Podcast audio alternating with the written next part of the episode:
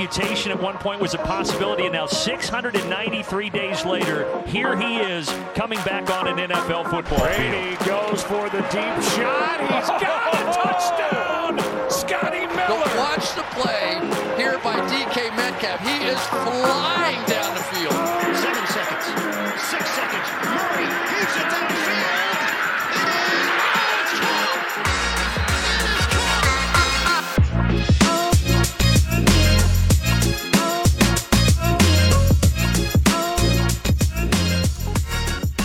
leuk dat je luistert naar een nieuwe aflevering van de Sport Amerika Fantasy Football Podcast. Ik zit hier gelukkig eindelijk weer met twee mensen digitaal aan mijn zijde. Want net als vorige week aanwezig Lars Leeftink. Goedemiddag. En terug van IR, terug van weg geweest, game time decision, maar fit om te spelen, Jimmy Driessen. Hey, hallo jongens. Welkom terug Jimmy. En eh, jongens, normaal gesproken starten we natuurlijk met Thursday Night Football. En ach, wat een heerlijke wedstrijd hebben wij om op terug te kijken zeg. Genoten. Maar gelukkig hoeven we daar nu nog niet mee te beginnen. Want er was uiteraard nieuws afgelopen dagen. Odell Beckham nam afscheid bij de Browns. Zoveel was duidelijk. En na enkele dagen eh, ja, veel geruchten. Eh, Lars, hij leek heel lang op weg naar jouw Packers. En nou goed, daar zat jij niet heel erg op te wachten als ik het wel heb. Nee, dat klopt. Absoluut. Ja, dat, eh, dat was een frontrunner. Mijn Patriots werden genoemd. En eh, ik zat er wel op te wachten, want zal heel veel eh, grote naam wide receivers lopen daarna ook niet rond. Maar het werd geen van beide. het werd de Los Angeles Rams. En als ik erop terugkijk, dan denk ik ook van het moment dat eh, LeBron James tweette Free OBJ. Had Ja. eigenlijk al wel gewoon een indicatie moeten zijn natuurlijk dat die jongen gewoon naar LA gaat. Maar ja, niemand die zo eh, op opletten zat. En dus hebben we een, ja, een grote ster receiver die verhuist naar eh, LA, waar natuurlijk al het een en ander rondloopt. Eh, Jimmy, ik geef hem in eerste instantie even aan jou. Eh, hoe gaat dit fantasy voetbal impacten? Eh, in eerste instantie denk ik dat er één iemand de grote verliezer is. Dat is Van Jefferson. Van Jefferson kwam net eigenlijk een beetje op als, eh, ja, eigenlijk toch wel legitieme wide receiver 3. Die misschien zelfs nog wel iets eh, upside naar meer had. Eh, en de grote winnaar Stafford. Want ja, zijn, zijn, toch al goede wide receiver korps wordt aangevuld met toch een, ja, vooral een grote naam. Kijk, qua daden is het de laatste jaren toch al niet meer zo goed. Ook nog met zijn blessure. Maar toch wel een naam erbij. En ik denk dat hij zeker wel, wel eh, fijn is voor de value of eh, Matthew Stafford. Ja, en eh, Lars, ehm, ik, ik, ik heb natuurlijk voor Cooper Cup getraind, dat heb ik laatst verteld. In een, in, Ja. ik heb hem voor meer, in meerdere leagues heb ik hem nu lopen. Eh, moet ik me zorgen maken? Eh, nou ja, goed, weet je, in principe eh, denk ik van niet. Als je bijvoorbeeld vorige week kijkt tegen de Titans, eh, hadden Woods en Cup gewoon 10 en 13 targets. Terwijl bijvoorbeeld een Higby ook nog 10 targets had. Jefferson had er nog 7. Nou, in principe denk ik dat eerder die targets van Higby en Jefferson, dat die naar Odell Beckham gaan. Dan dat er, weet je, het zal absoluut wel een beetje impact hebben op Woods en Cup. Dat is onmogelijk om dat niet te zien. Maar ja, weet je, ik, ik, het ligt er ook een beetje aan hoe Beckham het doet natuurlijk. Weet je, ik bedoel, als, als Beckham in één keer de, de Beckham van de Giants wordt, ja, weet je, dan, eh, dan wordt het natuurlijk wel interessant om te zien. Maar ik denk ook vanuitgaande hoe hij de afgelopen jaren speelt, dat hij normaal gesproken een winger 3 zal zijn. En dan ja, denk ik dat de impact op Boots Cup eh, marginaal, minimaal zal zijn. En heel even eh, kijkend naar het echte voetbal. Dat is natuurlijk hartstikke saai, maar laten we heel even naar de echte NFL kijken. Jim, voor zover ze dat nog niet waren, zijn de Rams nu topfavoriet voor de Super Bowl? Ehm, ja, topfavoriet vind ik altijd lastig te zeggen. Want eh, je hebt ook nog in, in de eigen divisie staan ze niet eens bovenaan met de Cardinals ook nog. Al hebben die Ja. wat blessures. Eh, en ik, ja, ik wil nog steeds de, de Tampa Bay Buccaneers eh, niet uitvlakken. Want die hebben minimaal een even sterke wide receiver Ja, korps daar. En, en ook nog ja, Tom Brady rondlopen. En een goede defense. Nou, de Ja, Rams hebben dat de natuurlijk Rams ook. natuurlijk ook wel. Ik eh, begin daar toch wel hele, hele sterke gelijkenissen te zien. Goed, eh, de status van Stafford versus die van Brady, dat, daar zit een, een verschil. Tegelijkertijd, hè, de, de, de, de defensie van de Rams heeft natuurlijk ook de nodige sterren aan boord. En nu ja, denk ik dat je, als je, hè, we hebben het altijd over de vele mogelijkheden die Brady heeft in de passing game. Even ervan uitgaande dat iedereen daar fit is. Ja, dat, daar doet eh, de Rams nu niet meer voor onder. Nee, al is het nog wel het voordeel voor eh Odell Beckham. Is dat hij echt maar met de wide receivers hoeft af te rekenen. Ik denk Higby is niet echt een bedreiging ten opzichte van Gronkowski richting de wide receivers van de Buccaneers. Ja, nee, dat is zeker waar. Nou goed, we gaan het zien. Odell Beckham Jr. eh, eh, ik kom, we komen er zo meteen nog wel heel eventjes op terug, eh, later in de show. Maar we gaan door naar Thursday Night Football. En dan denk je snel misschien, wacht even, Jur, er was nog meer nieuws. Bijvoorbeeld dat Cam Newton terug naar de Panthers gaat. Klopt, maar ook daar komen we zo meteen op terug. Want ik wil eerst, ik zei het al jongens, naar die schitterende, fantastische wedstrijd. De Ravens op bezoek bij de Dolphins. Wie is er niet wakker voor gebleven? Nou, ik bijvoorbeeld. Uh, maar uh, Jimmy, jij wil nog wel eens een Thursday Night Footballtje meepakken. Hoe, uh, hoe, hoe zat dat deze week? Ik heb de eerste helft heb ik bekeken. En toen stond het volgens mij net, ja, net voor rust werd de 6-3 gemaakt. Volgens mij. Ja, dan weet en, je al dat het niet zo'n hele leuke wedstrijd was. Ja, en toen had ik er eigenlijk al geen zin meer in. Dus ik heb helaas ook uh, het inbrengen van Tua heb ik alleen nog maar op de samenvatting gezien.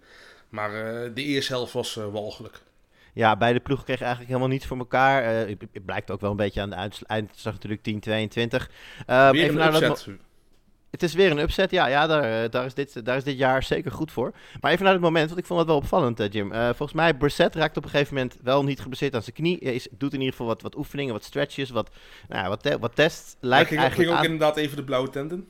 Ja, lijkt op een gegeven moment weer aan te geven. Nou, het kan, ik ga weer, ik kan weer. En op dat moment uh, wijst Flores, in mijn ogen, met een enigszins agressieve toon naar de bank. Van jongen, jij mag gaan zitten en Tua, Tua Tagovailoa komt erin. Ja. En dat vond ik zo'n raar moment. Nog, nog los van, van, van zeg maar de lichaamstaal van Flores of, of, of de miscommunicatie dat, dat Brissett niet wist dat hij ja. er niet in ging. Ja, maar, want waarom start je Tua dan Ja, niet? precies. Als, als, het, als het kennelijk zo makkelijk is om Tua als vervanger van Brissett in te brengen, hoezo was Tua dan al niet je starter? Ja. ja en heel, ik, heel raar. Heel raar moment. En uh, Tua deed eigenlijk toch... Uh, fantasy-wise redelijk en in het echt ook, ook best wel redelijk. Beter dan uh, Brissett in ieder geval. En uh, ja, ik bedoel, uh, ik, ik weet wel dat Tua, Tua best wel een relevante quarterback kan worden. Dus misschien kan hij wel van de streamer optie naar een set and forget T quarterback één rijtje gaan. Ja. Is er nog wel te vroeg voor. Maar in, in iets minder dan twee kwart heeft hij 11 punten gehaald. En dat is voor een, uh, voor een, als je dat extrapoleert naar een hele wedstrijd, ja. tegen de Ravens is dat niet slecht. Ja, voor fantasy inderdaad uh, hoopgevend. Nou, voor de, echte, voor de echte NFL, Dolphins winnen hem dus, wat je zegt, ups, upset. Um, ik had het idee dat, of de Dolphins defense kwam eindelijk een keer opdagen. Hè. Vorig jaar hebben we natuurlijk vaak de Dolphins uh, defense besproken, dat ze bovengemiddeld goed waren. Dit jaar zagen we daar eigenlijk heel weinig van. Ja, nou, vorige week tegen de Texans. Ja, en, ja, nu, de en, Texans. en nu dan nog een keer. Um, ja, is het dan echt Dolphins defense wordt steeds beter of loopt het gewoon niet bij de Ravens? Want wat ik zo raar vind met de Ravens, hè, Bateman is nou terug fit, uh, had, ook, had ook zeker zijn aandeel, uh, ook fantasy-wise trouwens. Uh, de Ravens zijn momenteel zo fit als ze nog gaan worden. Volgens mij alles wat er nu nog geblesseerd is, blijft dat ook. Ja, dus, qua skill, ja. skillpositiespelers vooral inderdaad. Ja, dus, dus dan heb ik zoiets van, ja, wat, wat, wat, wat kan hier nog gaan veranderen voor de Ravens? Want het was wel, nou ja, ik wil niet zeggen kansloos, maar er zat niet heel veel in. Nou ja, lastig. Ja, ik denk dat deze stilte genoeg zegt. Nou goed, uh, nog heel snel dan de, de, de fantasy uh, fallout, jongens. Uh, Jimmy, ik weet dat wij het er vaker over hebben gehad, over Mikey Sickie. Die had natuurlijk die, die grote ronde 0 in de eerste week, omdat hij geen ballen van Tua kreeg. Ja, de, de Gesicki, daarna ging het eigenlijk vrij goed. Eerst in eerste instantie met Brissett, maar later ook met Tua. En iedereen had zoiets van, nou oké, okay, gelukkig, Gesicki is toch gewoon die tight end one die we de mm. vorige seizoen ook al aan hadden. Ja, dus we dan hopen Gesicki-eigenaren vanochtend toch even geschrokken zijn. Ja, en toch heb ik liever uh, een 0 voor 7, wat nou dus was, dan een, een, een 3 voor 4 dat uh, Shaheen had of ja. een 1 voor 1 wat Smite had. Want ja, hij krijgt die... toch de targets. Kijk, ja. je, iedereen heeft wel eens een keer een slechte dag op zijn werk, toch? Ik niet, maar ga verder. en, en kijk, en het hoeft niet alleen Gesicki's fout te zijn. Het kunnen ook uh, slechte worpen van Tua en Brissett zijn geweest. Ik, ik kan ze niet allemaal voor de geest houden. Ja. Maar jongens, targets zijn zoveel belangrijker ja, absoluut. In, in, in het proces. Nou, targets kreeg Bateman natuurlijk wel. Trouwens, Jimmy, nu zegt uh, de bal zou wel eens slecht gewor geworpen kunnen zijn. Hoeveel ballen van Lamar Jackson zijn wel niet verder dan 5 à 10 yards bij de receiver vandaan beland? Dat was echt. Op een gegeven moment gooit hij een diepe bal. Nou, volgens mij was het Hollywood Brown. En die bal komt dichter in de buurt van de safety, die ook zoiets heeft van, oh, die liep de hele... Ja, ja ze staan er altijd echt naar te kijken van, wat gebeurt hier? Waar is die bal? Echt van, totaal de andere kant op. Dat je denkt van, wat, wat was dat? Een rare, rare wedstrijd van uh, Lamar Jackson. Die zelf trouwens eindigt op, nou ja, afhankelijk van je punten tellen, in zo'n zo'n 16, 17 punten.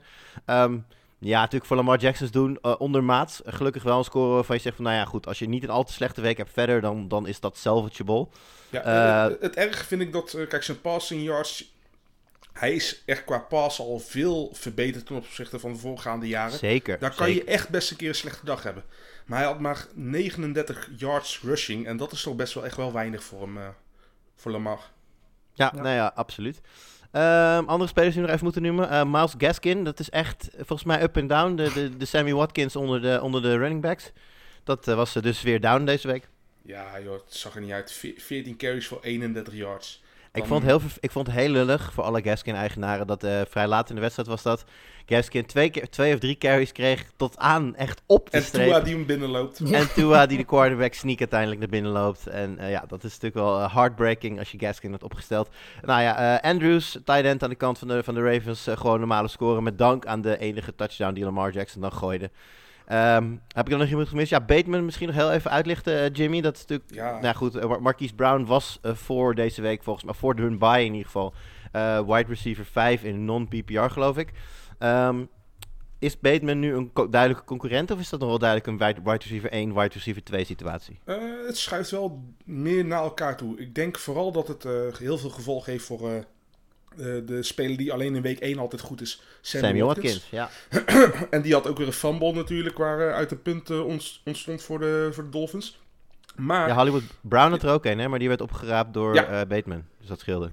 maar ik denk wel... eh, ja, kijk, Rashad Bateman is ook gewoon een first round pick in de draft, net als een Marquise Brown. Het is gewoon een hele goede receiver. En ik denk dat hij wat veelzijdiger is zelfs dan Marquise Brown. Dus ik denk uiteindelijk...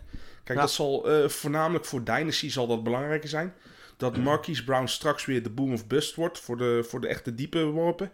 En dat Rashad Bateman steeds meer de targets naar zich toe gaat trekken. Alleen, ik denk dat het dit jaar nog hoogstens 1A, 1B gaat worden. Ja, ik, ik denk dat ze allebei wel productief blijven. Omdat het, voor mijn gevoel zijn het twee compleet andere, andere receivers. En ik denk dat Brown nu, juist omdat Bateman er is, inderdaad wat jij zegt, meer in zijn, in zijn kracht wordt, eh, gaat gebruikt worden als deep threat. En Bateman is toch weer veel meer, weet je, dat, dat korte en middellange eh, paaswerk.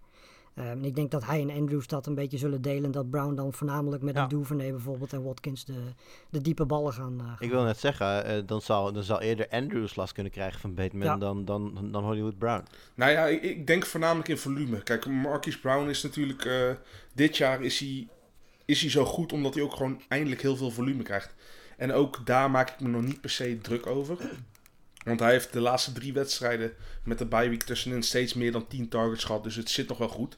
Alleen zijn catch rate moet wel echt omhoog. Want op een gegeven moment, als Bateman straks met de helft minder targets st- structureel meer output heeft dan Brown, kan Bateman natuurlijk wel even van Brown gaan afsnoepen.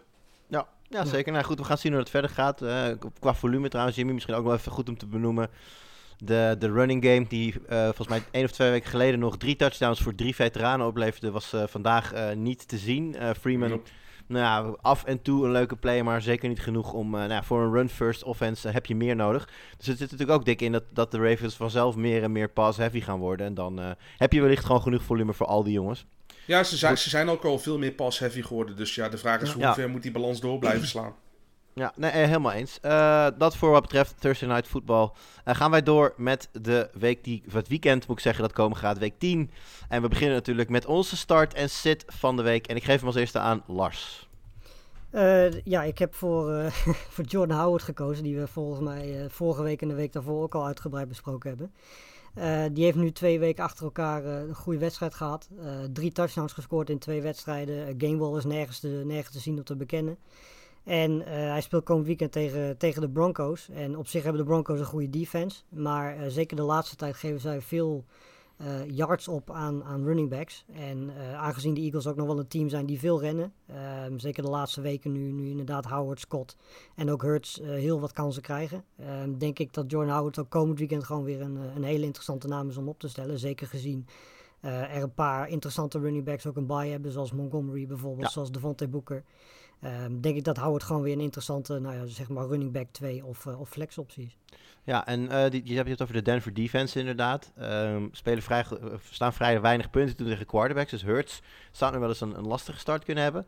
Maar ja. Uh, ja, we hebben natuurlijk bijvoorbeeld al twee, of, was het twee, twee of drie weken geleden... dat Dearness Johnson totaal over Denver heen liep natuurlijk. Ja. Um, hebben we vaker gezien. Is dat, valt het een beetje samen met het vertrek van Van Miller? Of staat dat er een beetje los van wat jou betreft?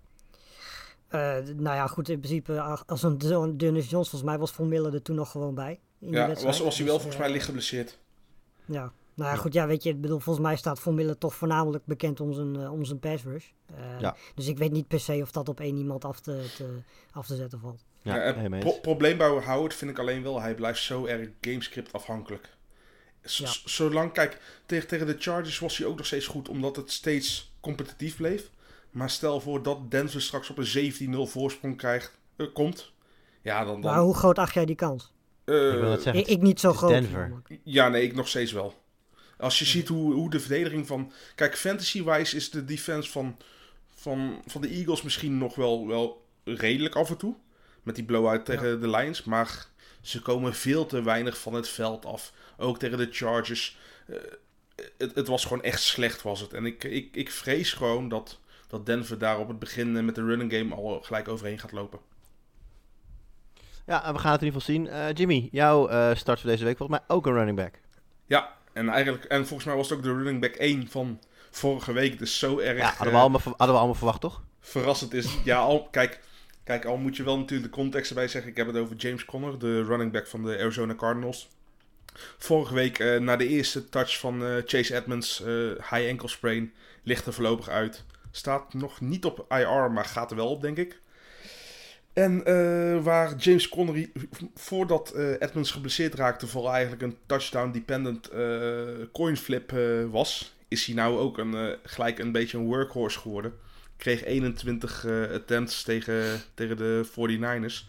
Scoorde ook nog eens drie touchdowns, dat scheelt ook wel eens. Maar hij heeft, Ja, ja, behalve zijn hoge ceiling door die touchdowns, heeft hij ook gewoon nou een hele, hele stabiele Ja. floor. Omdat hij verzekerd is van, eh, van werk.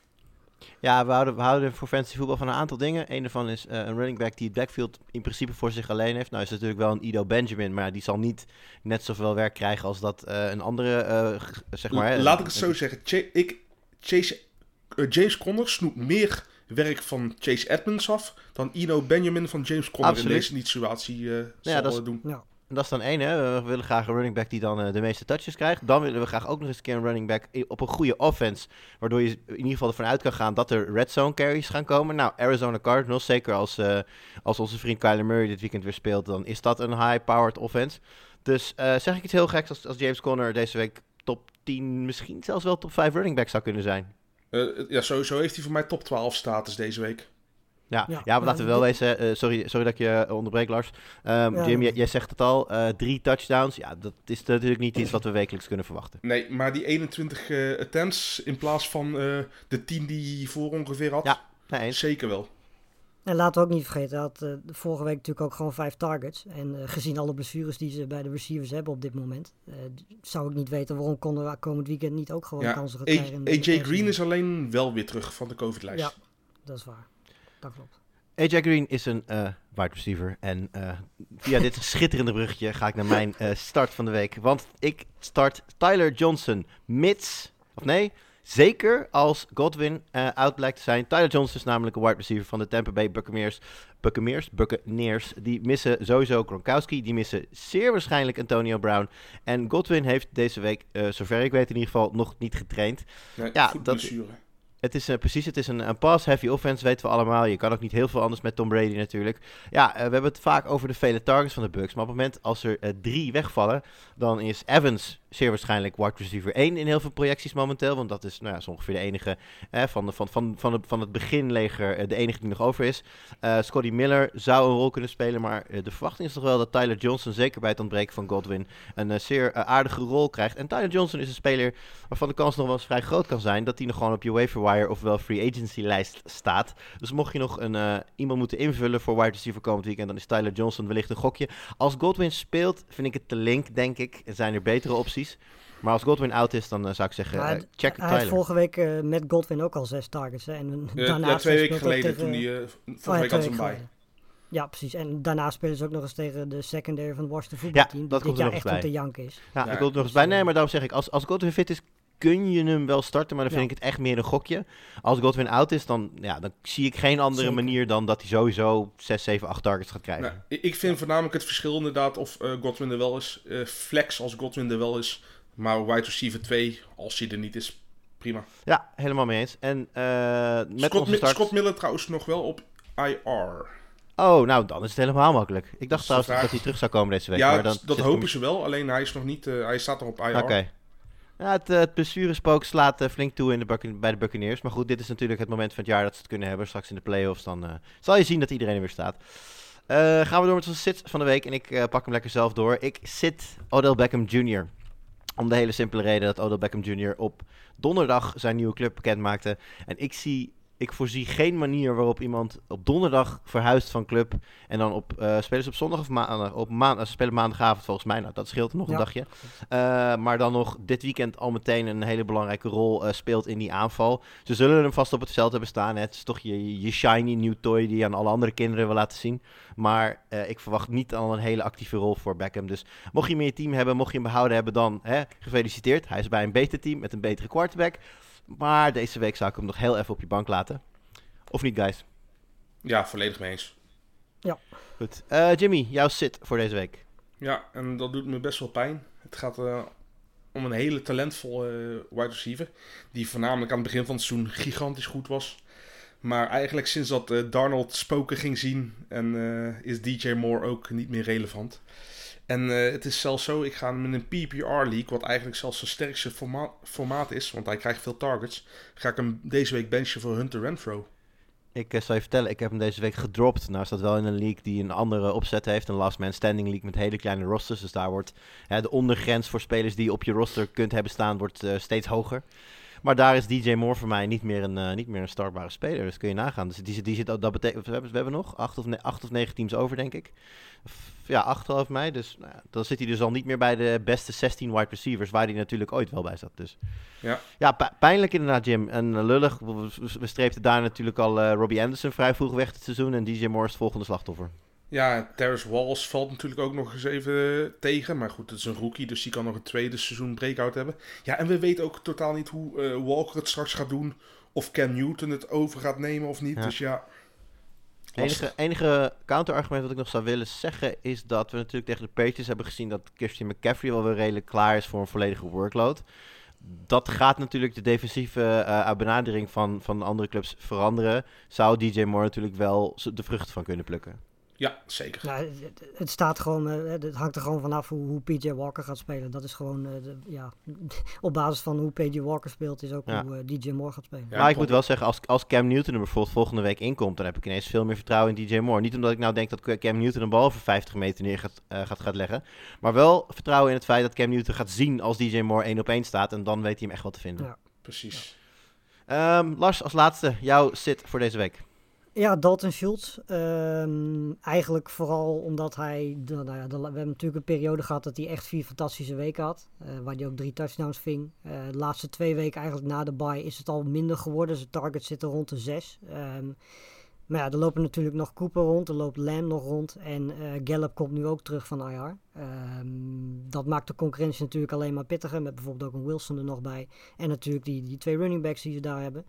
Ehm, ik denk dat, dat ja, de, de tijd waarin Schultz fancy-wise productief is geweest, dat die, dat die voorbij is. En eh, die- ja, ondanks dat de Falcons natuurlijk niet zo'n fantastische defense hebben, eh, denk ik dat dat zoveel impact heeft op een, op een Schultz dat ik die eh, ja, niet vol, met volste vertrouwen zou opstellen. Ik ben een beetje bang dat Schultz gaat vallen naar... Nou ja, Jimmy haalde het net aan toen we het over Gesicki hebben. Het is gewoon een hele grote groep tight ends. Die dan Ja. op in een gemiddelde week 3 voor 4 voor 29 yards gaan, weet je wel. En als je dan mazzel hebt, dan zit er een touchdown bij en dan heb je een leuke week. Ik ben een beetje bang dat Dalton Schultz van... Hè, die, de tight end die elke week 7 à 8 targets had inderdaad. En daarmee eigenlijk iedere week wel een soort ondergrens kon halen. Nu inderdaad Ja. terugvalt naar die hele grote groep tight end dependent... eh, of eh, touchdown dependent tight ends. Ja, en plus het feit, eh, Dalton, Dalton, Dalton Schultz, Dallas Cowboys zijn ook qua gamescript ook veel anders geweest. En ik verwacht dat Ja. ze tegen de Falcons wel makkelijk gaan winnen. Dus San Ja. Niet schuwen om met Tony Pollard en eh Zeke Elliott te gaan rennen. Nee, als je het even die jongens in je achterzak hebt zitten, dan waarom zou je het niet doen?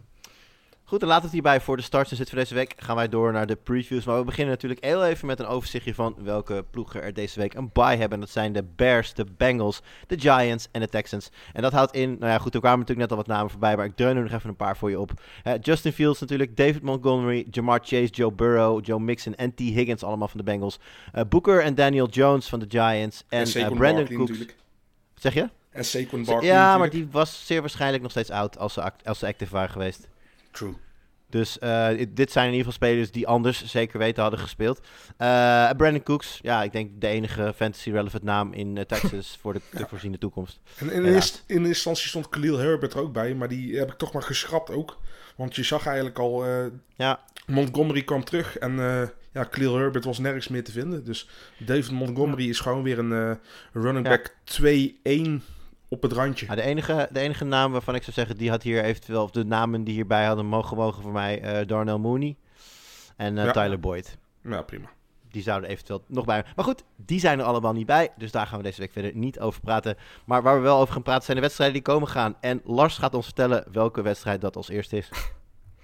Eh, ja, dan moet ik toch weer eh, naar de Packers toe om te beginnen. Eh Seahawks Packers, omdat daar heel veel vraagtekens om die, om die wedstrijd überhaupt zijn. Veel spelers die terugkomen, wel of niet. Bij de Packers is natuurlijk alleen al de vraag of Aaron Rodgers wel gaat spelen. We hebben gezien vorige week dat als hij niet speelt, dat dat heel veel impact heeft op Adams, op Jones, op Dylan. Ehm, ja, en, en weet je, als Rodgers wel speelt, dan zijn het natuurlijk hele relevante spelers. Ja. Ehm, als ze niet spelen, wordt het een heel stuk lastiger. in Wat, ehm, even een tussenvraagje. Want eh, jij als, als Packers adept, wat is de, hoe wordt er nu gekeken naar de kroonprins? D- zover ik weet staan de meeste Packers-fans in ieder geval hetzelfde erin als ik. Ehm, in principe, weet je, ja, hij heeft een mening. Die mening wordt door het eh, merendeel van de mensen niet gedeeld. Ook door de, de fans van de Packers niet. Ehm, maar het is niet zo dat, dat, dat hij op dit moment uitgekotst wordt eh, bij, bij de Packers. Zoals hij dat bijvoorbeeld bij anderen misschien wel wordt gedaan. Eh, Over wie heb jij het nu? Want ik Ehm. bedoel, Jordan, Jordan Love is de, kroon, de kroonprins volgens mij. Oh, ik dacht dat je het over... Je weet wel, op, kroonprins is meestal de opvolger van de koning. Maar goed, dat, dat ja, is ik dus, snap. Nee, Jordan Love. Nou ja, ik denk ik hoor je praten en denk, ja, dit Heel gaat over. Rodgers. Maar ik bedoel... Nee, Le- lekker laten gaan, joh. Nee, sorry. Maar, eh, nee, maar inderdaad, Jordan Love, eh ik het vraag, eh, werd natuurlijk gezien als zeer getalenteerde quarterback. Nou ja, ideale leerpositie achter Rodgers. Eigenlijk een beetje een blauwdruk van de, van de destijds, de, de manier waarop de, de Packers van Favre naar, naar Rodgers zijn gegaan ooit. Eh, Ja. ja. kreeg natuurlijk dan de kans om, om te starten. En ja, Ja, nou ja, goed. Het, het was inderdaad, het was eigenlijk vooral goed als hij niet onder druk werd gezet. Eh, op het moment dat, eh, dat de Chiefs een blitz op hem afstuurden, 5, 6, 7 mensen, toen, eh, dan, dan zag je wel dat ze, ja, zijn beslissingen eh, op dit moment nog niet zo goed zijn. Wat niet zo gek is in je eerste wedstrijd uit.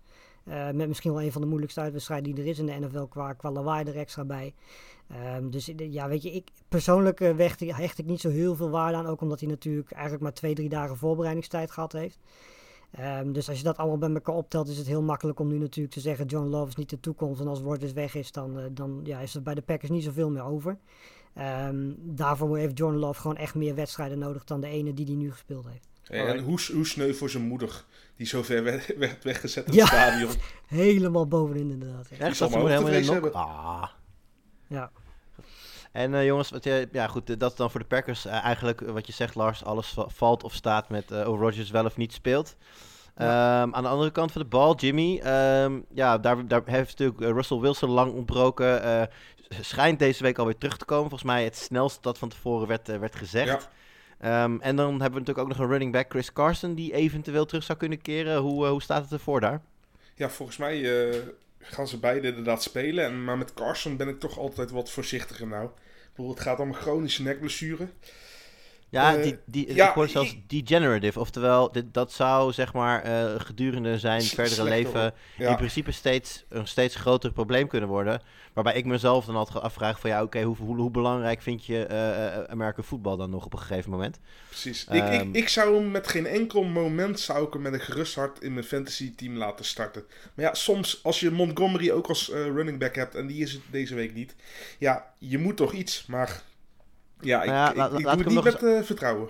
Laat ik hem nog eens anders stellen. Stel dat je gewoon goed opgelet hebt en je hebt dus nou, Carson dan op je IR gezet op een gegeven moment en je hebt Alex Collins opgepikt. Ehm, wie, en je hebt één plek voor één van die twee jongens vanavond. Wie stel je op? Eh, dan toch Carson, want ook Collins is niet helemaal fit. En Carson heeft de track record en succes, dus dan Ja. toch Carson. Ja, het, maar het kan dus inderdaad ook zomaar zijn dat Collins niet helemaal fit, Carson valt misschien, tegen of gaat niet helemaal lekker en dan is ineens Rashad Penny daar de Nee, man. de- zeker. Dan heb je ook nog Homer en eh, DJ Dallas allemaal. Dus op, op, eigenlijk wil je Carson of niemand. Maar dan moet Carson wel fit zijn. Maar ik zou een eh, El- Elijah Mitchell zal ik eerder opstellen. Ik zou, eh, als Chip out is, zou ik uh, Dearness Johnson eerder opstellen dan Carson. Oké, nou goed, we gaan het zien. Carson, ik heb hem in een aantal leaks. Ik, eh, ja, ik weet niet. Wat, eigenlijk wat jij zegt, Jim. Ik denk dat ik waarschijnlijk by default niemand anders op kan stellen en hem dus opstel. Maar ja, als, ik, eh, als hij eh, vier of vijf puntjes bij elkaar rent, dan eh, ja, dan En, ben en ik niet fit, en fit blijft. En fit blijft, dat is misschien wel belangrijker. Zagen we natuurlijk ook vorige week bij Christian McCaffrey, hè, dat hij nog geen wereldscore had. Vond eigenlijk niemand erg. Dat hij gewoon de hele wedstrijd heeft gespeeld, dat was eigenlijk waar het om ging. En dat zal bij Carson ook zo zijn. Jongens, wie gaat deze wedstrijd winnen? Packers. Goh. Seahawks. Ehm Met ja, Kelf en Lockett gaan weer vlammen. Met Ja, Wilson terug. Ik, eh, ik ga hem eh, ook geven aan de Seahawks. Ik denk dat ook al komt Rodgers terug, dan heeft hij de hele week, of eigenlijk anderhalve week, niet getraind. En eh mits Wilson inderdaad, nou ja, in ieder geval 95% is, hè, niet dat hij eh, met, echt maar met negen vingers eh, speelt, eh, denk ik dat de Seahawks hier gewoon kunnen winnen, jongens. Ja, en de vraag is ook maar hoe, hoe Rodgers qua conditie terugkomt natuurlijk. Ja, precies dat. Ja. Eh, Jimmy, aan jou de eer. Volgende wedstrijd. Eh, Eagles tegen de Broncos. Ik bedoel, Lars Homer, ik dan ook. Jij wat je bent voor de Broncos. nee. Nee, jouw, jouw Philadelphia Eagles natuurlijk. Ehm, jij eh, riep, was het twee weken geleden denk ik, dat... Nee, wacht even. Volgens mij had jij of vorige week Devonta Smith in je buys gezet... of je hebt het twee weken geleden zelf verteld. Ik weet het even niet Ja, meer. nee, ik heb... Maar ja, Ja, in Ja. ieder geval, ik had hem gezegd, ja. ja, jouw tip was inderdaad voor, het, voor de rest van het seizoen... Devonta Smith gaat een grote breakout krijgen... en wordt een van de belangrijkste receivers eh, voor de rest van het seizoen. Was dat eh, afgelopen week? Of ja, ik denk het redelijk, beetje? Nou ja, het begin is het toch. En helemaal omdat je ziet dat eh, ja, de Eagles eigenlijk eh, sinds de overwinning op de Lions veel meer run-heavy zijn. Zie je nou ook gewoon dat zelfs met iets minder targets, Devonta Smith is altijd open. Die jongen kan plays maken. Hij heeft de bal nodig, dat is het. Ja, is, is Devonta Smith's grootste nadeel misschien wel dat hij een quarterback heeft die eigenlijk echt heel goed is met zijn benen, maar niet echt heel goed met zijn arm? Ja, tuurlijk. En eh, nou ja, goed, we hebben het al heel even snel ge- eh, over gehad net eh, toen we het over Howard hadden, Jimmy. Maar ehm, ja, de, de, de running backs daar, het blijft, het blijft natuurlijk één grote warboel. Ik heb godzijdank Gamewell weten te treden ergens. Ik weet ook niet hoe ik dat gedaan heb afgelopen week. maar dat, die heb ik in een dealtje kunnen gooien die mij uiteindelijk Henderson oplevert. Dus ik ben Ja, we, zijn er allemaal ingetrapt, hè. Maar wat gewoon nu duidelijk is, Gainwell's eh, positie of rol, die verandert niet wie er ook geblesseerd raakt. Hij zal altijd die, die, die pass-catching back zijn bij een Ja. grote achterstand. Bij een inhaalrace voor de Eagles. Hij zal niet de leadback worden. Hij zal ook niet helemaal niet, nooit meer op het veld komen. Maar het is echt gewoon de, de, ja, de two-minute drill back. Ja, Dat is het. ja. En hopelijk een touchdown. Maar ja. En dan heb je dus Jordan Howard en Boston Scott die eh, samen eh, ja, de, de, de, de, het grondwerk doen. Ja, en Howard, Eh, Howard is nou ook definitief, want hij mocht niet meer terug naar het practice squad, want anders moest hij Ja, ze gereleased hebben- worden. Ze hebben hem definitief overgeheveld, dus hij blijft er ook dit seizoen ook bij, of ze moeten hem kutten. En dat is een voordeel voor Howard en een nadeel voor Boston Scott, denk ik, als uh, Miles Sanders straks weer fit is. Maar hoe dat werkt is, eh, je mag zeg maar spelers op je practice squad, mag je volgens mij twee keer eh, zonder gevolgen elevaten van je practice Ja. squad. En weer Dat- terug dat naar- zet- Dan zet je ze eigenlijk tijdelijk op je, op je, op je 53 man roster, maar gaan ze daarna gewoon weer terug zonder, eh, zonder dat dat gevolgen heeft. Maar bij de, de- ja, je mag dat niet een derde keer doen. Als je dat dan wil, dan moet je hem ook daadwerkelijk inderdaad ja, het contract toevoegen aan je, aan je 53 man roster en dan blijft hij er ook staan. Dus dat is nu gebeurd met, met Howard. Eh, ja, dus dat blijft dan de- voorlopig de nummer 1 daar, denk jij, Jim? Ja, want weet je wat het raar is? Kijk, de Jordan Howard die er vorig jaar was, was echt walgelijk slecht. Heel langzaam. Maar hij zag er ook gewoon nou deze keer al ja, voor de tweede week achter elkaar gewoon redelijk snel uit voor zijn doen. En ik was best wel verbaasd, want ik ben geen Jordan Howard fan. Maar ja, ik draai een klein beetje bij. Klein beetje. Goed, gaan we naar de andere kant kijken. De Broncos, daar hebben we natuurlijk al heel lang eh, die one-two punch met Melvin Gordon 1 en eh Javante Williams 1A. En iedereen, eigenlijk elke analist ever, zei vorig seizoen... we gaan een moment zien dat er een omslagpunt komt... en dat Williams dan die 1A overneemt en Gordon de 1B... waarna het op een gegeven moment een 1 en een 2 wordt... en, en dit wordt dan Javante Williams een backfield. Eh, is dat moment al geweest, Lars? Nou, volgens mij hebben we het, er- hebben we het er letterlijk vorige week nog over gehad. Dat, eh, dat er een keer een wedstrijd moet zijn in het geval van Javonte Ah, Williams. Dat hij echt. Maar eh, vorige ja, week was hij nog niet geweest, maar deze week... Precies. Ja, ja, vorige week had hij dus inderdaad 70 carries, 111 yards. Eh, het nadeel is wel dat Gordon zelf ook op 21 carries, 80 yards en een touchdown had. Ehm, en dat blijft een beetje het probleem met Williams. Weet je, Gordon is natuurlijk wel iemand die de- daar gewoon nog rondloopt, touchdowns pakt. En ja, die allemaal pakt van, van Williams. Williams kan die dan niet pakken. Ehm, maar ja, weet je, ik denk dat we van tevoren allemaal verwacht hadden dat er een keer een moment komt dat Williams eh, toch ja, die, die running back 1 rol pakt. Eh, en Gordon zal er altijd zijn, zal altijd zijn, eh, zijn kansen krijgen. Ehm, maar misschien was dit wel de wedstrijd waarop, waarop Williams heeft laten zien dat hij misschien wel meer, ja, wat meer carries verdient dan dat Gordon die Het zou ook nog wel zo kunnen zijn dat Gordon wat meer nog naar een third down rol gaat. Want ik heb, ik heb Ja. wel het idee dat ze Gordon echt wel meer vertrouwen in de passing game dan Williams. Ehm, dus dat je misschien Williams wat vaker op first en second down gaat zien en Gordon. Nou ja, eh, eh, eh, ze zullen allebei hun serietjes wel krijgen natuurlijk, want ze zijn te goed om, om hem op de bank te houden, allebei.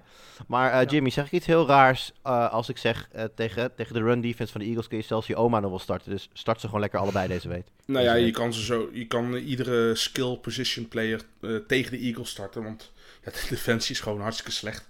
En ik denk eerlijk gezegd dat, eh, dat, je, dat dit gewoon zal blijven. Eh, Melvin Gordon heeft nog steeds, eh, steeds het hoogste snap percentage ten opzichte van Javante Williams. En zolang de Broncos nog niet uitgeschakeld zijn, gaan ze met 1A en 1B verder. En, maar daar ben ik wel benieuwd, want als de Broncos wel uitgeschakeld zouden zijn, hoe zie je het dan, eh, dan doorgaan? Dan eh, gaan ze denk ik eerst Jamal Williams, eh J- Javonte Williams, Jamal Williams is een andere back. Eh Javonte Williams eh, echt gewoon kijken van oké, wat hebben we in de Kuip? Kunnen we volgend jaar op hem vertrouwen dat hij echt de belkou wordt? Ja, een beetje zoals eh, de Rams dan vorig jaar hebben gedaan met Akers. Ja, maar ja, dat eh, J.K. Dobbins, ook zelfs met Swift en Taylor vorig jaar. Taylor wel iets eerder, ook vanwege de blessure van Marlon Mack natuurlijk. Maar zelfs ook een Elvin Kamara is pas ooit zo begonnen, zeg maar. Tweede helft van het seizoen steeds meer gefaseerd invallen. En op een gegeven moment gewoon die, die rol overnemen. Nou, het gaat alleen wel verduren voordat eh, de Broncos worden uitgeschakeld. Want Zeker. die, eh, die hele divisie staat nagenoeg gelijk.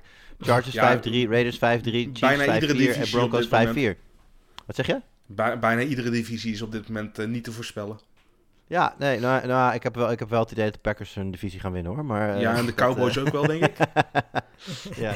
Maar eh, nee, het is, het is op meer plaatsen spannend dan dat we van tevoren hadden gedacht. En nou ja, als je had gezegd dat in de AFC West na, na, na negen weken de Chargers op 1, de Raiders op 2, de Chiefs op 3 en de Broncos op 4 hadden gestaan, dan... ja, dan hadden ook mensen even gevraagd, gaat het goed met je? Maar eh, moet- ik moet trouwens wel zeggen, ik vind Melvin Gordon, we gaan straks ook nog echt bij de bye-kandidaten zijn. Maar ik vind hem, ik denk dat je hem best goedkoop nog kan krijgen, want iedereen is nog steeds bang dat hij uiteindelijk meer werk gaat verliezen. Maar als je Ja. ziet wie, wie hij in week 17 krijgt, krijgt hij de Chargers. En dat is een heel lekkere matchup voor je championship week. Ja, zeker waar. De Chargers die eh, kunnen inderdaad ook eh, vrij weinig tegenhouden over de grond. Dus als je daar eh, dan een running back tegen mag starten, dan is dat eh, goed nieuws. Goed, gaan we verder naar de volgende wedstrijd. En dan ben ik aan de beurt. En ik eh, wil eventjes, want we waren natuurlijk al begonnen over, over de Rams. En ik wil het gewoon nog even afmaken. Want de Rams spelen op Monday Night Football tegen de 49ers. En dat is sowieso al leuk.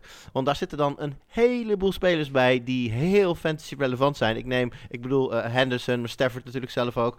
Alle wide receivers van de Rams op Van Jefferson na dan misschien. En aan de andere kant, eh, Kittle in, is terug. Ayuk krijgt zijn rolletje terug. Debo Samuel.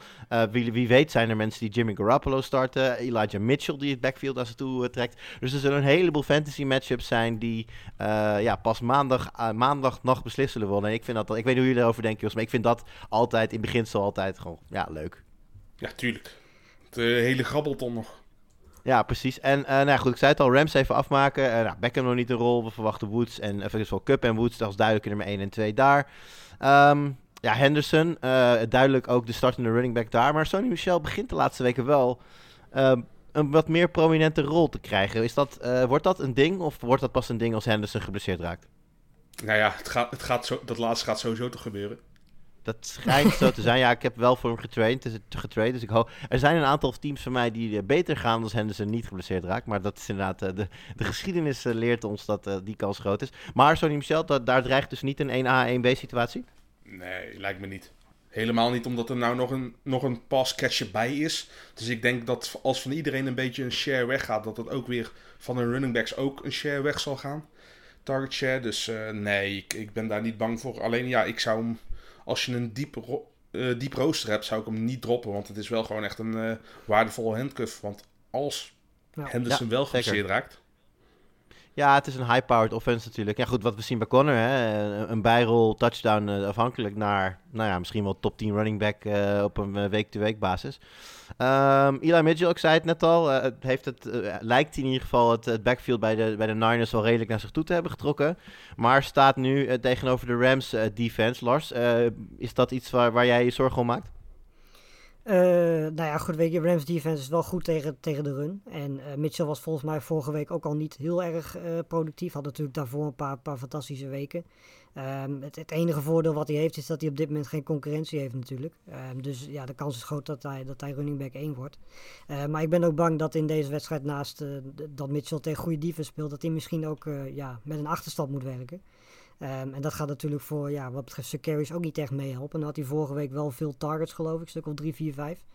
Ehm, dus dat, dat zal hem dan nog kunnen helpen, dat hij ook actief wordt in, in, in de passing game dan. Maar ja, ik ben gewoon bang dat de Rams een voorsprong gaan pakken en dat, eh, Ja.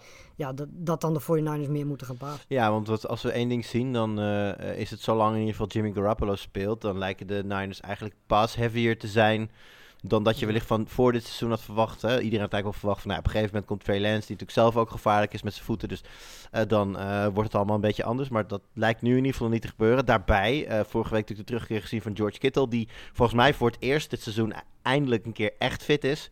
En eh, Brandon Ayuk, die, nou ja, hè, we hadden het aan het begin van het seizoen vaak over, die kreeg straf, die werd niet betrokken in het spel.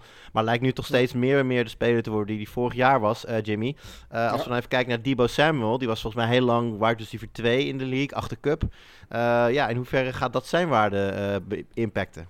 Ik denk dat zolang Trey Lance geen quarterback wordt van de Niners, dat Samuel wel gewoon echt een wide receiver 1 potentie heeft. Want ook hij krijgt nog genoeg targets en hij kan gewoon hele grote plays nog maken. Hij is eigenlijk een soort, een, soort een, een Lidl-budget Tyreek Hill op dit moment. Ja. Dus, eh, dus ik zie dat nog wel goed komen. Maar ja, zijn vloer kan ook even iets lager worden. Want hij krijgt niet meer zeker, eh, zeker 12 targets per wedstrijd. Nu Kittle en eh Ayuk Ja. weer terug zijn. Maar Nog heel even over Kittel, Jim. Ehm, vorige week hebben we die terug zien keren, maar we hebben natuurlijk ook heel veel eh, ja, teleurstellende weken gezien. Nou, ik zei het net al, volgens mij is dit de eerste keer dat hij echt fit is dit seizoen. Eh, keert George Kittle daarmee voor jou eh, terug op een hele duidelijke nou ja, tight tight end 2 van de league? Eventueel gedeeld met Waller? Nee, nog niet. Ik bedoel, het is, ja, het is één game. Kijk, natuurlijk, Kittle heeft echt een gigantisch track record van jaren wel goed te zijn. Maar ik, ik, ik wil nog even twee, drie wedstrijden achter elkaar zien. Dat hij ook fit weet te blijven. En dat dit geen, eh, geen oldschool Kittle... eh, dat hij niet meer tot het verleden behoort, zeg maar. Dat dit gewoon weer de nieuwe Kittle is. En dat hij, ja, dat, dat hij door kan zetten. Maar ja, ik ben ook zo'n wedstrijd tegen tegen de Eagles nog niet vergeten. Of tegen de Seahawks, waar hij gewoon minder dan 10 punten scoort. En, ja, en je hebt hem gedraft als top 3 eh tight end. Waarschijnlijk. Ja. En dan zal hij toch echt wel even drie consistente weken achter elkaar eh, moeten hebben. Ja, helemaal mee eens. Ehm, gaan we hem callen, jongens? De, Ram, de, de Rams. De Rams. Ik ben wel lekker in vorm vandaag, hè. De Rams eh, op bezoek bij de 49ers. En ik denk dat de Rams daar gewoon gaan winnen. Ja, Rams. Ja, Shanahan krijgt er dit jaar niet meer op de rit. En dan wil ik nog heel even voor de volledigheid, want volgens mij vergat ik er vorige week ook al een. Deze Ja. week dus alweer. Eh, Eagles at Broncos, die hebben we ook niet gekald. Oh. En ik denk dat daar de Broncos gaan winnen. Ja, Ja, Broncos. Ja, sorry Jim, ik had het graag anders gezegd, maar ehm, helaas. Eh, pak ik door, want we sneken de, de draft natuurlijk. En ik, dan heb, heb ik dus ook pick nummer 4. En dan gaan we naar PJ MF Walker. Want ik, eh, ja, XFL-legend. de XFL-legend PJ Walker, die start voor de Carolina Panthers. eh, heeft inmiddels achter zich Cam Newton. eh, zal, die zal deze week nog niet, eh, nog niet spelen. Maar nou goed, de verwachting is dat hij dat wel over gaat nemen. Eh, Sam Darnold eh, was volgens mij statistisch slechter dan je je maar kunt voorstellen. Heeft nu ook ergens een breukje. Ik geloof in zijn schouder of zo. Ja, en kijk, Ja. we mogen natuurlijk nooit lachen om eh, blessures. Maar ik moest wel lachen om een tweet.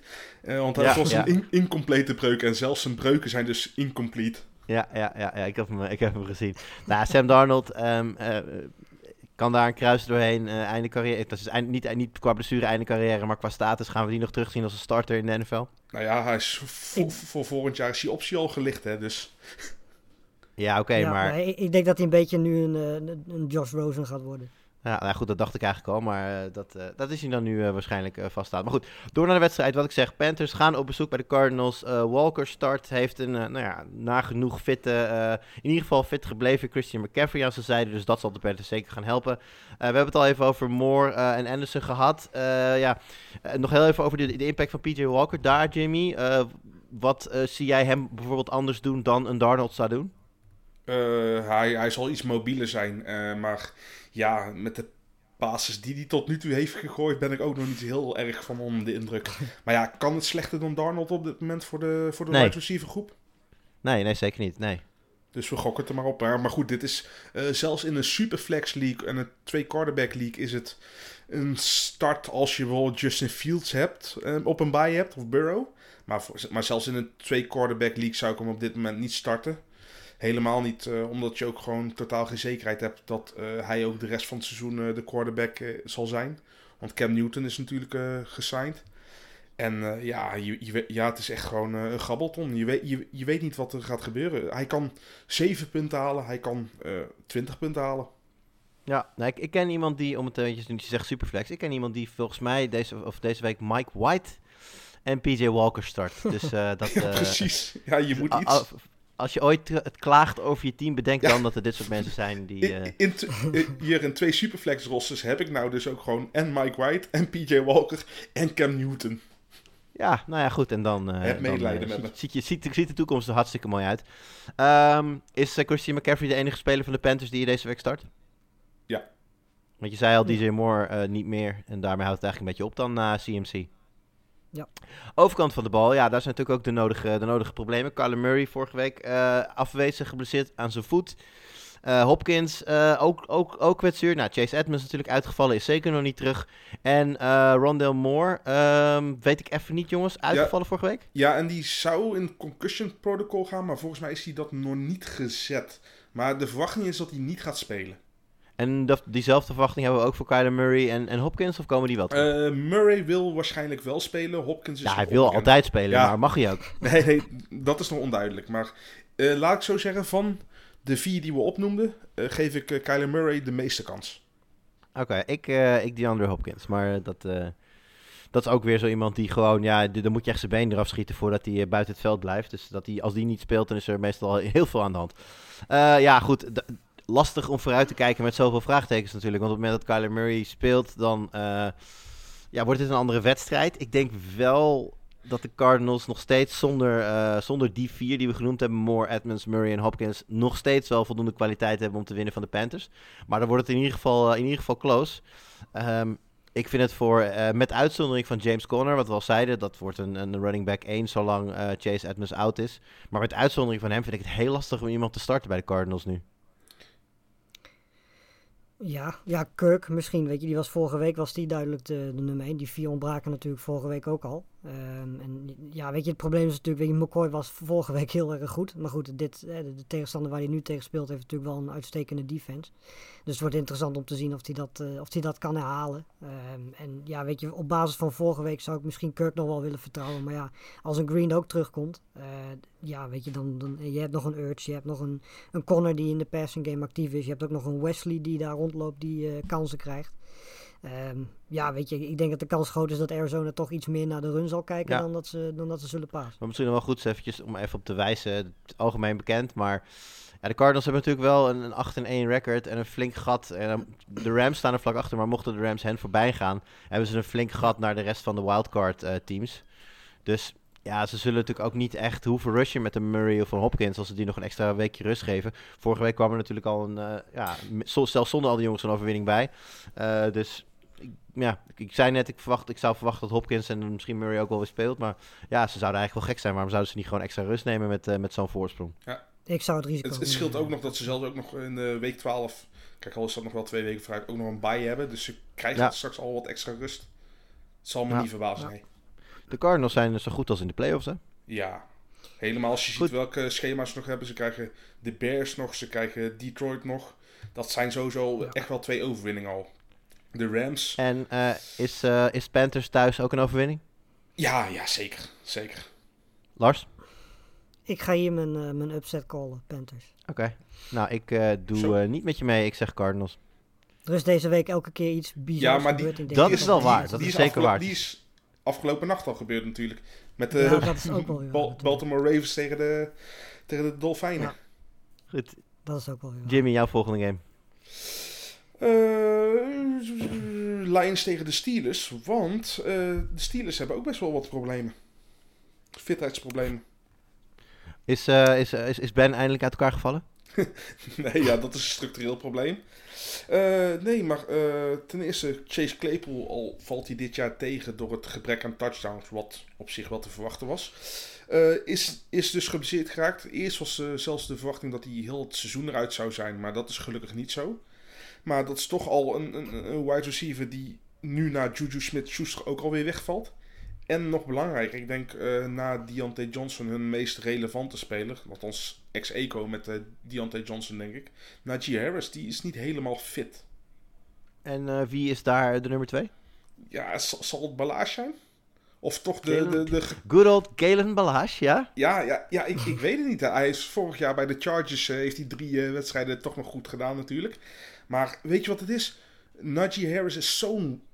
zo'n dat is echt de workhorse eh, in, eh, in eh, de NFL puur. Ja, ik wil net zeggen, kijk, we hebben natuurlijk, we hebben natuurlijk backfields waar het echt split backfield is. Hè? En dat, dat schuift dan een beetje op naar nou, een nummer 1 en een nummer 2 of een change of paceback. Maar volgens mij zegt de hoofdcoach van de Steelers tegen, tegen Najee Harris... joh, ga het veld maar op en ik wil je pas zien als de wedstrijd weer afgelopen is. Precies.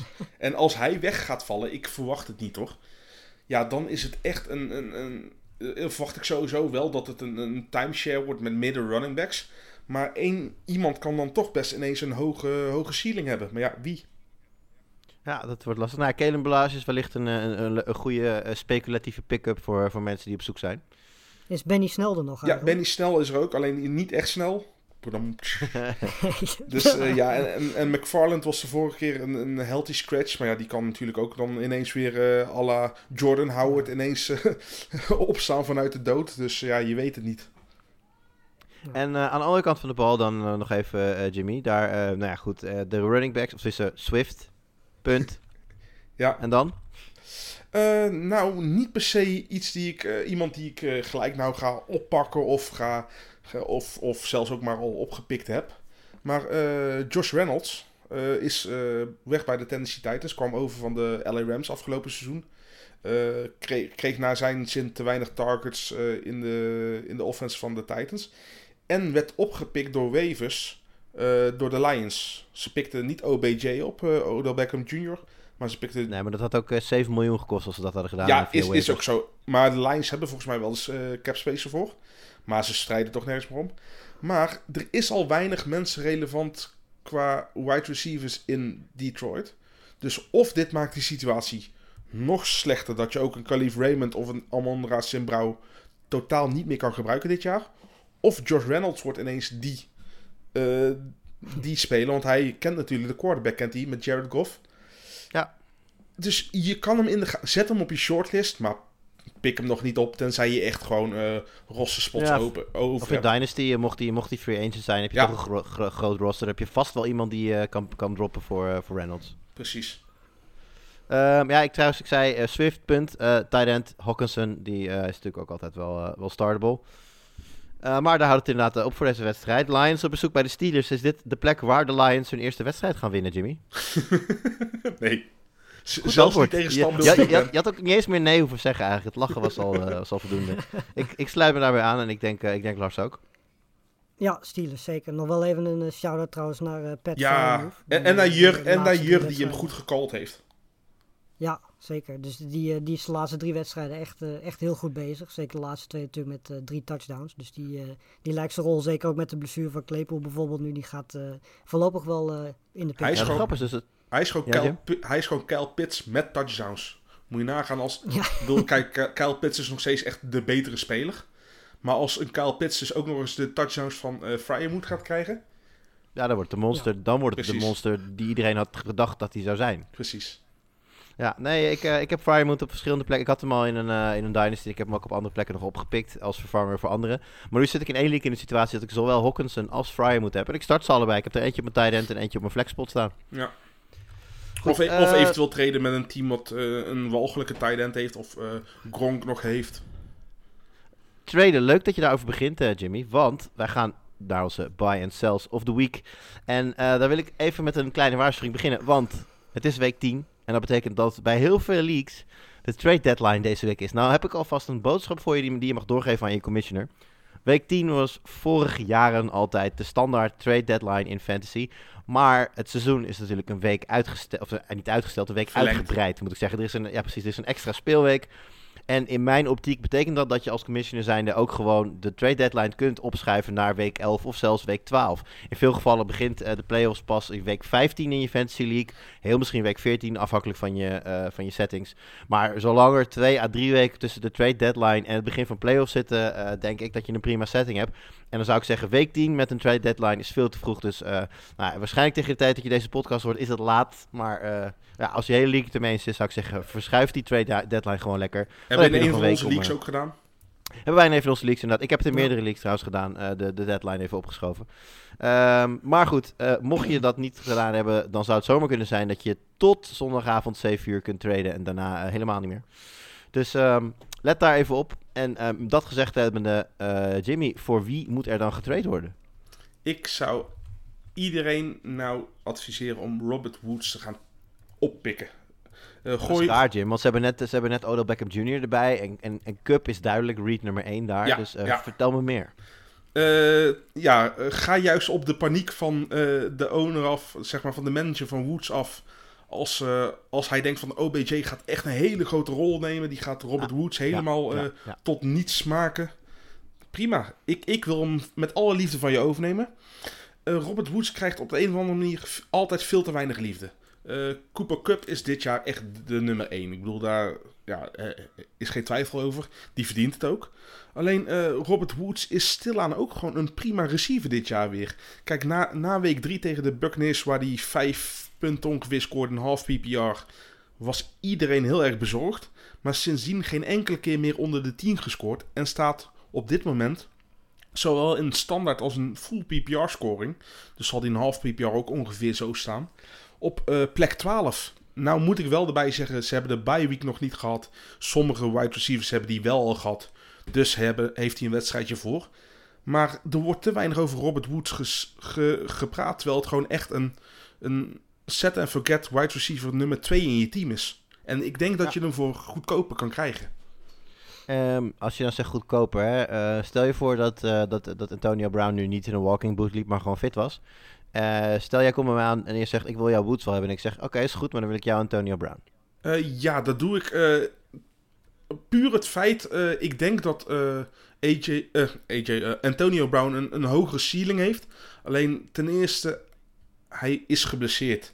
En hij is ook ja, nee, wat- maar precies, dat, dat is, dat, nu maak je die deal niet. Maar een fitte Antonio Brown versus Woods zou ik dan wel lastig vinden hoor. Eh, ja, da- dan ga je kijken van heb ik upside nodig of heb ik iemand die stabiel is nodig. Heb ik, heb ik al eh, een paar boom of bust spelers en moet ik echt een stabiele factor erbij? Dan zou ik hem pakken. Zijn mijn andere receivers Hunter Renfro en Deontay Johnson? Dan zou ik voor Antonio Brown gaan. Eh, teamconstructie, wat voor spelers je hebt, is altijd zo erg belangrijk. Die context van hoe je team eruit gaat zien. Ja.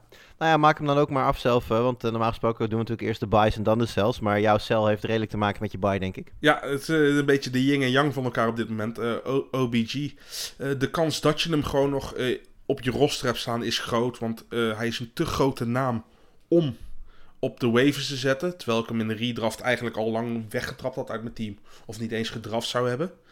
Eh, maar ja, je ziet het gisteren alweer. Hij houdt heel het NFL-wereldje houdt hij bezig. Eh, worden de Packers, worden de Saints, worden de Chiefs. Oh nee, toch ineens het mystery team, de Rams. De Rams beste aanval sinds eh, 1842. Twee keer zo goed als Tom Brady's eh, Buccaneers. Hey, wat de gekke mij voor geeft, ik neem het aan. Nou, dat eh, is een, eh, een eh, goeie. Ik ben het niet helemaal met je eens. Ik heb hem wel gedraft. Ook omdat hij natuurlijk toen gewoon de, eh, de wide receiver ja. 1... Het, het, het ligt aan ook op welke was. positie natuurlijk. Hè. Kijk, heb jij, heb jij hem in de, in de 13e ronde, 12e ronde gedraft, prima. Maar als je hem op na- naam al pakt in de zesde ronde en redraft, echt niet. Dus al, Nee, alles heeft wel weer zijn ah. context. Ik denk dat ik hem in de achtste of in de negende ronde had. Dat is een beetje tussenin. Ja. Goed, eh, Lars, jouw buy en, eh, en zelf voor deze week. Eh, doe ze ook maar samen, want ja, jij hebt eigenlijk hetzelfde gedaan als Jimmy. Ja, ik, eh, ik denk dat, eh, dat dit het moment is om eh, AJ Dillon op te gaan pikken. Ehm, ik denk namelijk dat het niet zo heel erg lang meer gaat duren voordat AJ Dillon minimaal, nou het is eigenlijk al bijna minimaal, het is eigenlijk al gelijkwaardig met, eh, met Aaron Jones. Ehm, de voorgaande jaren was natuurlijk Aaron Jones duidelijk de, de, de running back 1, duidelijk de productieve running back. Eh, eigenlijk vorig jaar ook. En eh, ja, dit jaar is natuurlijk Jamal Williams weggegaan. AJ Dillon is eh, in zijn plaats gekomen. En hij had, nou, de eerste drie weken was hij er eigenlijk niet. Ehm, kreeg hij eigenlijk amper tot geen kansen. Was hij vooral iemand die op third and one bijvoorbeeld erin kwam om die bal over de, voor een first down te rennen. Ehm, maar vervolgens kreeg hij eigenlijk steeds meer kansen. Hij heeft nu inmiddels drie wedstrijden gehad waarin hij nou ja, 15, carries, 15 carries had. Ehm, waarin hij dus deelde met Aaron Jones. Ehm, en daarnaast, en dat, dat is eigenlijk misschien nog wel de voornaamste reden, hij heeft nu ook inmiddels drie wedstrijden gehad waarin hij vier targets gehad heeft. Ehm, dus hij wordt ook steeds meer eh, in de pass offense eh, gebruikt. En ehm, dat, is, dat is voor mij wel een reden om te zeggen op dit moment ga AJ Dillon oppikken. Want ik denk dat het eh, minimaal de rest van dit seizoen gelijkwaardig zal zijn. zoals bijvoorbeeld bij de Broncos. En natuurlijk ook bij de Browns zoals met, met een Hunt en met een Chubb. En ik denk dat Aaron Jones nu verkopen, dat, dat, ja, dat je het misschien op basis van zijn naam nog best wel veel kan krijgen. Voor iemand die eigenlijk dit jaar toch niet eh fantasy-wise zo heel erg productief is geweest. Nou, dat eh, kan ik achterstaan. Ik, eh, ik moet heel erg zeggen, ik weet niet, ik heb Aaron Jones ook in een aantal teams. Ik, ik voel nog niet helemaal de trigger om hem te verkopen. Ik verwacht nog steeds wel dat als die Packers eh, offense straks, wanneer Rodgers terug is, weer gaat lopen, dat. Jones daar toch wel gewoon de, de, de belangrijkste man blijft, na Adams uiteraard. Ehm, maar het is, eh, wat je zegt klopt allemaal, dus het is zeker iets om in de gaten te houden. Eh, nou, die, mijn buy en mijn sell die staan wel redelijk los van elkaar. Mijn buy zou zijn DK Metcalf en met kleine letjes in iets mindere mate Tyler Lockett. Want eh, Russell Wilson komt deze week terug. Metcalf en Lockett hebben dus eigenlijk al een aantal weken niets meer gepresteerd. Dus wellicht dat Nou, je... Laatste- Metcalf laatste, wel, Lockett Laatste start van Lockett even terugkijken. Ik heb hem niet voor me, Jim, maar ik, praat zal, ik, zal hem, ik zal hem even bijpakken, want bij iedereen stond hij volgens mij toen... Iedereen eh, had hem gebenched toen. Even kijken, en ik heb hem in een Dynasty team. Ik pak hem er even bij. Eh 13 targets, 12 receptions, 142 yards, 20,20 punten in half PPR. Tegen de Ik weet, niet wat ik, die, ik weet niet wat ik die dag aan het doen was, maar ik heb dat eh, niet opgeslagen op die manier. Nee, wat je Week zegt, ik heb was dat. natuurlijk ook niet, eh, niet opgesteld. Maar dan nog, eh, Russell Wilson komt terug. De kans dat eh, die aanval de komende weken beter gaat draaien Helemaal mee eens. Dus mocht je, nog, mocht je nog op zoek zijn naar een wide receiver, dan is dat wellicht een optie. Ehm nou, ja, DK Metcalf met Russell Wilson erbij is natuurlijk een wide receiver 1. Wellicht kun je hem voor een wide receiver 2 prijs krijgen. Dus dat is iets om uit te zoeken. En de cel voor mij is die Ernest Johnson. Wacht daar wel even mee tot na dit weekend. Want de kans dat Chubb dit weekend speelt is vrij klein. Chubb staat op de eh, COVID-lijst. Moet twee keer eh, negatief testen eh, met 24 uur tussen voordat hij mag Ja, spelen. is En wel gevaccineerd. is wel gevaccineerd, daarom. Daarom Ja. heeft hij ook kans. Als hij niet gevaccineerd was, moest hij sowieso 10 dagen in, in quarantaine. Ehm, maar, of niet, quarantaine in ieder geval niet, mag niet bij het team. Ehm, maar goed, dat geldt voor Chubb niet. Die, die heeft dus nog wel een kans om te spelen als hij twee keer negatief test voor de wedstrijd. Eh, maar wat ik ervan begrijp is dat die kans kleiner en kleiner eh, aan het worden is. En dat eh, de verwachting dan toch wel is dat Dearness Johnson daar weer een running back 1 wordt dit weekend. Ja, helemaal ook. En dat- Felton staat ook op dezelfde COVID-lijst. Ja, nee, precies. Dus ze hebben, ze, ze hebben ook al iemand van hun practice squad gepromoot. Dus dat is niet per se een bedreiging voor Dearness Johnson. Dus stel hem vooral op dit weekend. En trade hem daarna, want niet alleen zal Chubb de week daarna er gewoon weer bij zijn. Ook Kareem Hunt is langzaam op de weg terug. En dan is het, ja, het beste running back duo in de league weer hersteld. En wordt Dearness Johnson, helaas voor Dearness Johnson, gewoon weer iemand die voornamelijk van de zijlijn zal toekijken. Dus mocht je hem eh, voor die tijd nog kunnen verkopen, dan eh, zou ik dat zeker doen. Over hun bestaan trouwens wel grote twijfels dat hij al eh, terug gaat komen, hè, snel. De verwachting zelfs dat het pas na de bye-week gaat gebeuren. Ah, nou ja, dat is... Maar goed, we hebben natuurlijk al wel gezien dat met Chubb als running back 1... Dearness Johnson nog wel wat value heeft. Ja, maar minder Maar-. Het is wel... Het, het is zeg maar, als Hunt active is... dan verliest Chubb meer touches dan dat hij aan Dearness Johnson doet. Precies. Goed, eh, dat gezegd hebben eh, is het bijna tijd voor de afsluiting. Maar we hebben nog een vraag van de luisteraar. eh, en Jimmy, ik geef hem aan jou. Even het draaiboek erbij pakken. Ja, van Vzang Bob. Het Vzang Bob op Twitter. Vraagt hij Cooper of Amari Cooper, neem ik aan. Niet. Eh, Amari Cooper of Keenan Allen. Of allebei niet in de flex en voor Daryl Williams in de flex gaan. Aangezien Cooper en Allen niet helemaal fit zijn. Eventueel updates vannacht kunnen uiteraard hoop duidelijk maken. Ik weet niet, eh, er zijn volgens mij geen nieuwe updates. Maar ik zou op dit moment zou ik voor Keenan Allen eh, kiezen. Want hij is weer helemaal terug Als je ziet hoeveel targets hij de laatste twee weken heeft gehad. Uh, Herbert en Keenan Allen zijn weer beste vriendjes. En Mike Williams is aan de kant gezet. Ja, dus, en um. Zijn, zijn, zijn alternatief, uh, allebei niet. En dan voor Daryl Williams gaan. Um, nou ja, kijk even aan of Clyde Edwards fit is. Als dat zo is, sowieso niet. Nee. En als, dat, en, en als Daryl Williams wel speelt, zou ik Daryl Williams nog steeds niet over, over Amari Cooper of Keenan Allen starten. Nee. Ik heb dan toch liever de upside alleen als, van Cooper Alleen als Amari Cooper nog echt geblesseerd is. ja, oké, okay, ja, dan, dan, wordt het anders natuurlijk. Ja. Maar um, in principe gewoon uh, in een vacuüm, zo gezegd, yes. uh, heb ik meer vertrouwen in Allen dan Cooper dan Daryl Williams. Precies, ik heb ook één Allen, twee Cooper, drie verder achter Daryl Williams. Ja. Goed, dan was dat hem voor deze week. Heren, hartstikke bedankt voor jullie beide aanwezigheid. Ik hoop dat jullie er allebei volgende week ook weer zijn. Iedereen ook. bedankt voor het luisteren. Hartstikke veel succes met je teams. En zoals ik altijd zeg, niet als je tegen mij speelt. En tot volgende week.